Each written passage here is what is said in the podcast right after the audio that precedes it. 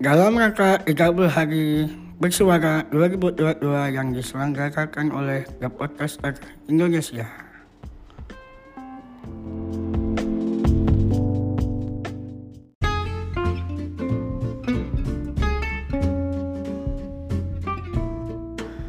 Halo, selamat hari teman-teman semuanya.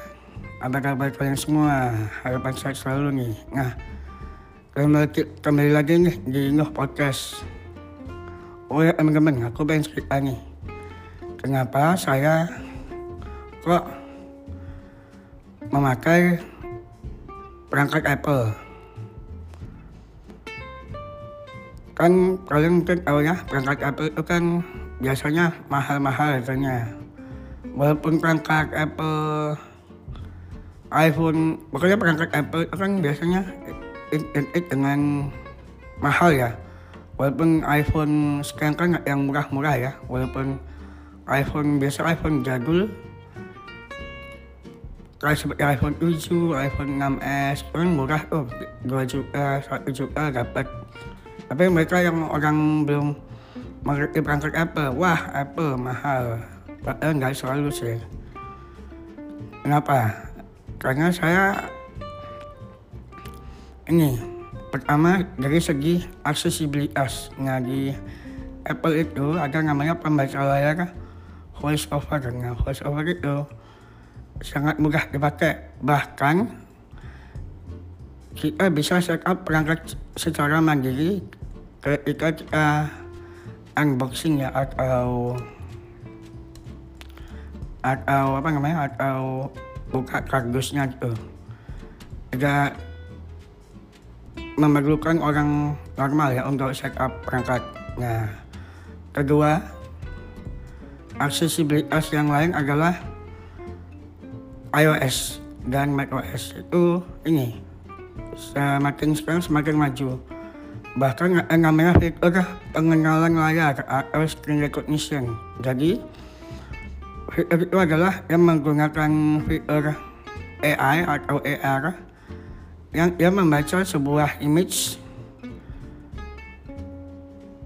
optical recognition. Nah, jadi sebuah tombol yang nggak kebaca sama pembaca layar, contohnya button, button.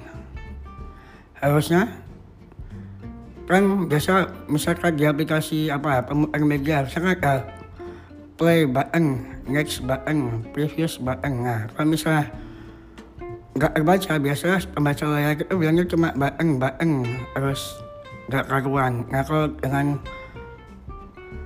pengenalan layar atau screen recognition ya menjadi terbaca oleh voice over.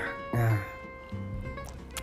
Kedua ekosistem. Nah ekosistem Apple itu sangat seamless ya jadi sangat tersinkronis misalnya kalau kita mengirim file antara iPhone dan iPhone, iPhone dan iPad, iPhone dan Mac, kita nggak usah perlukan ini, nggak usah perlu repot-repot lagi, tinggal AirDrop aja. Yang itu sangatlah cepat, sangat sekali cepat.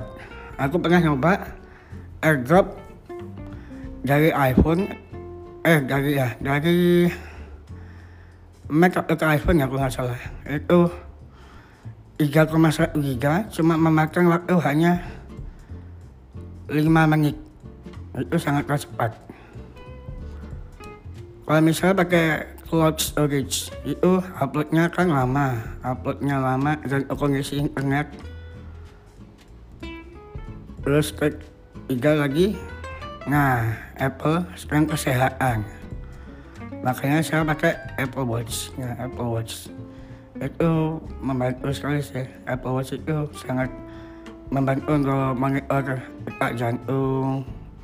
Bahkan di seri 6 sampai yang paling baru ada namanya blood oxygen monitoring system. Wah itu akurat sekali. Saya pernah nyoba. Disandingkan sama pulse oximeter yang buat medis itu hasilnya akurat loh. Paling beda cuma satu persen aja. Bahkan akurat. Saya pernah nyoba, akurat sekali itu.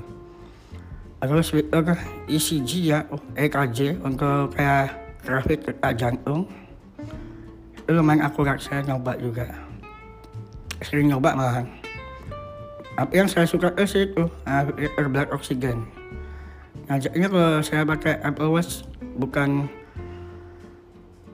bermaksud buat apa ya? Buat pamer atau apa? Atau sombong. Ya kalau saya lebih ke arah fungsi fungsi kesehatan gitu.